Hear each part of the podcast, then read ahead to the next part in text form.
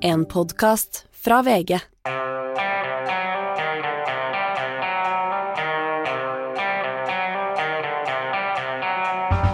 Ikke visste jeg at alle disse dagene som kom og gikk, det var selve uke 44.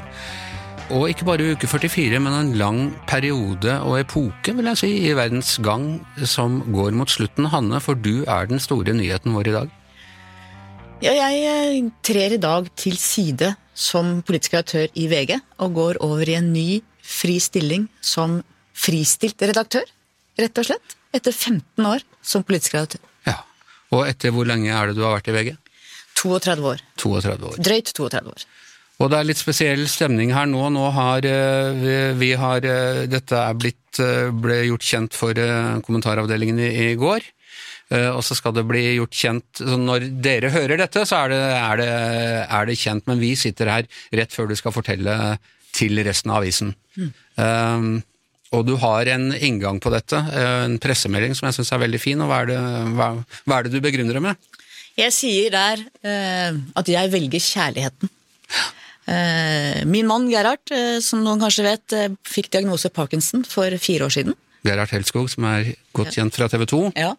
Eh, og han er i ålreit form, men eh, vi har snakket mye hjemme om at vi veit jo ikke Det er en sykdom som utvikler seg veldig ulikt, i veldig ulikt tempo. Og vi snakket mye hjemme om at vi vet ikke hvor lenge han har som frisk nok til at vi kan gjøre hyggelige ting sammen, ha det gøy sammen, eh, være kjærester. Og da ble det på en måte et stadig tydeligere som at det er et livsvalg, at jeg ikke vil bruke så mye energi og krefter på jobben som er gjort. Husk, jeg har hatt liksom alle lag jeg har sittet i, ledergruppe, redaktørkollegier, vært avdelingsleder for avdelingen, skrevet. Nå har jeg fått anledning til framover å bare skrive, lese, fordype meg. Jeg er veldig takknemlig overfor eh, Gard, som har gitt meg den muligheten. Og hvor lenge har dette vært eh, klart? Jeg gikk til Gard rett før sommeren og sa at jeg trengte noe forandring. Eh, og så har vi trodd og tvilt oss gjennom sommeren og høsten begge to. Vi ble enige om at eh, dette skulle ikke annonseres før etter valget. Eh, og så kom jo noen habilitetssaker som gjorde at vi skjøv litt på det, og så kom krigen. Jeg reiste jo til Israel, var der i to uker. Og så ble vi enige om at det skulle skje denne uka, på fredag, altså. Ja. Og øh, ikke verdens beste timing sånn sett, når du står Altså, du har stått i, i mange strider, Hanne, vi har stått i noen sammen nå. øh, og denne uka så øh, gikk eh, rapperen Magdi fra Karpe veldig hardt ut mot eh, dine øh, meninger og kommentarer i, øh, i Midtøsten-konflikten. Det ble slått stort opp i VG. Og er du sikker på at denne avgjørelsen ikke har noe med de, kontrover øh, de kontroversene som har vært rundt det du har skrevet der? Ja, det er jeg helt sikker på, Anders. Og det, jeg kjenner meg så uh, trygg i dette valget. Som sagt, det begynte prosessen før sommeren. Eh, og så lurte vi litt på Gard og jeg, skal vi da pga. den kontroversen skyve på det? Fordi at noen kanskje kan komme til å tenke enten at nå har hun Skartveit uh, kastet inn håndkle, blir for sliten, eller at nå får hun sparken. Men så tenkte jeg at Eller nå slutter hun i protest? slutter i protest, eller hva. Eller. Men nå men så kom vi til at det å liksom være, tenke taktikkeri og tull rundt det, det er liksom ikke noe vits i. Og som mannen min Gerhard sa, må bare si det som er sant, og sånn er det å gjøre det som er planlagt. Det å skulle skyve på eller vente eller på grunn av eh, at noen kritiserer meg, det blir for dumt. Så det gjorde vi ikke. Og vurderte ikke veldig lenge heller, egentlig. Og du er jo blitt kritisert før uten å slutte, og så har du også fått, fått mye ros og gullpenner og, og, og i det hele tatt. Men det er det har jo i, på din vakt, ikke bare som politisk redaktør, men som journalist, så har det skjedd enorme forandringer uh, i mediene. Først og fremst ved eh, at uh, internett kom, kom for en 30 år siden. Men også på måten aviser oppfattes på, hvordan rollene er for en stilling som politisk redaktør. Og vi ser at jeg ser Dagbladet har kutta ut kulturredaktør, var en av de liksom virkelig signalstillingene i, i den avisa. Blir det noen ny politisk redaktør i VG? Ja, det blir det. Absolutt, det er klart vi må ha politisk redaktør. Og der har også? Gard vært helt tydelig. Nå skal du høre her. Aner ikke. Den prosessen er i gang, men det er klart at det er en grundig prosess som vil ta tid, og vi må finne noen som kan stå støtt i VGs stiftelseserklæring, stå støtt i vår historie, vi er hjemmefrontens avis, tradisjonene våre, sånn at eh, Men hjemmefronten og alt det der, betyr det noe nå? Altså Vi vet at en av de utfordringene vi har, og, og noe av grunnen til at det har blitt, uh, blitt uh, kalamiteter rundt det du har skrevet fra Midtøsten, er at yngre mennesker altså Før hadde du åpnet avisen, der står lederen og kommentaren på side to og tre, og så går du videre til reportasjen og sånn. Nå ser ikke unge brukere den samme forskjellen på hva som er meningsjournalistikk og hva som er eh, reportasjejournalistikk eh, lenger. Det, det, er mange sånne funksjoner som er blitt vanskelige. Ja, det er et dilemma, og derfor tror jeg og det er det bred enighet om på VG-huset, at vi må gjøre det skillet enda tydeligere og klarere og forklare enda bedre hva som er forskjellen. Men jeg tror når du sier betyr hjemmefronten noe mer, og jeg tror Særlig i den tida vi lever i nå, så betyr de lange linjene noe, historien betyr noe.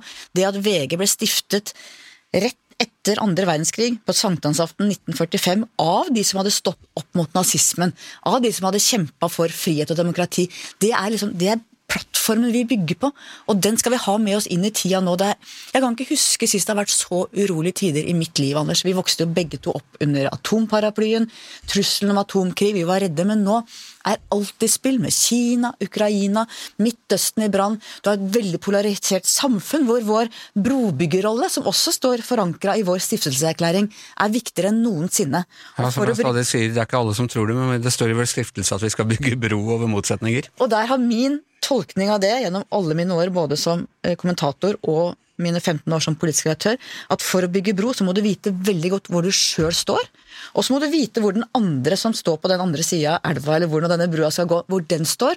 Og så må du ha en kritisk dialog, være tydelig. Den du respekterer, er den du kan være direkte og tydelig med. Så brobygging er i min verden ikke sånn eh, kumbaya-dialog, bare myk softspeak. Det er rett og slett at du er tydelig og direkte og en klar stemme inn i offentligheten, sånn at vi kan ha en meningsbrytning som er konstruktiv respektfull, men tydelig.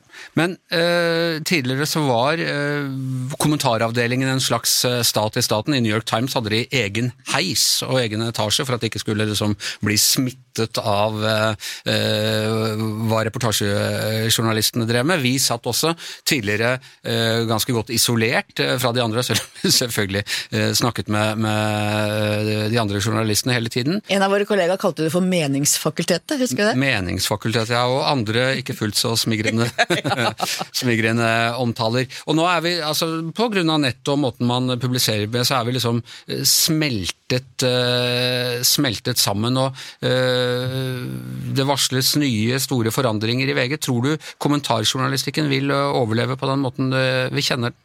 Ja, vet du, Det er jeg helt trygg på, Anders. Kommentarjournalistikken blir viktigere og viktigere. Og hvis ikke vi de redaktørstyrte mediene har gode, kunnskapsrike kommentatorer som kan delta i samfunnsdebatten, så gir vi hele rommet til sosiale medier, til influensere, til Rappere. Rappere, ikke minst! ikke sant? Sånn at eh, jeg mener at den vil bli viktigere og viktigere. Både analysere, sette ting i sammenheng, mene, delta i debatten. Og hvis det er noen gang i vår tid hvor vi virkelig har trengt å sette ting i kontekst, så er det virkelig nå. Um, vi har en greie, du og jeg, på uh, at vi gjør hverandre litt rørt. Jeg kan ja. bli litt sånn kleint rørt. Og jeg liker det så godt, Anders! og, og, det har ofte vært når vi har sittet her i studio og skal snakke om litt sånn følsomme ting, og da med 22. juli, men også mer sånn banale ting. Og Shazia forteller en eller annen rørende historie, så kan jeg ikke se på deg fordi uh, Jeg kjenner det bare skjer nå. Da blir jeg litt sånn tykk i stemmen. Og vi måtte ta denne innledningen et par ganger for at jeg skulle få til det. Dette er jo ikke farvel, du skal jo fortsette her, og vi skal fortsatt være venner og kolleger, og det er jeg veldig glad for, men du har vært en redaktør som har stått 100% bak dine medarbeidere, og det tror jeg kanskje er det aller viktigste uh, utfordringen uh, den tradisjonelle journalistikken har i tiden fremover. Det er redaktører som backer medarbeiderne sine. Tusen takk, Anders. Det har vært en glede å få jobbe sammen med deg og alle de andre, og det skal vi fortsette med, og det er jeg så glad for. Og dette var del én av podkasten i dag, for vi har vært opptatt av å få ut dette intervjuet med Hanne samtidig som eh, nyheten blir kjent.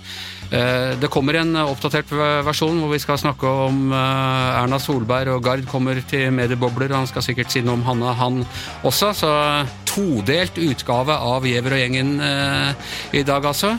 Vi høres igjen.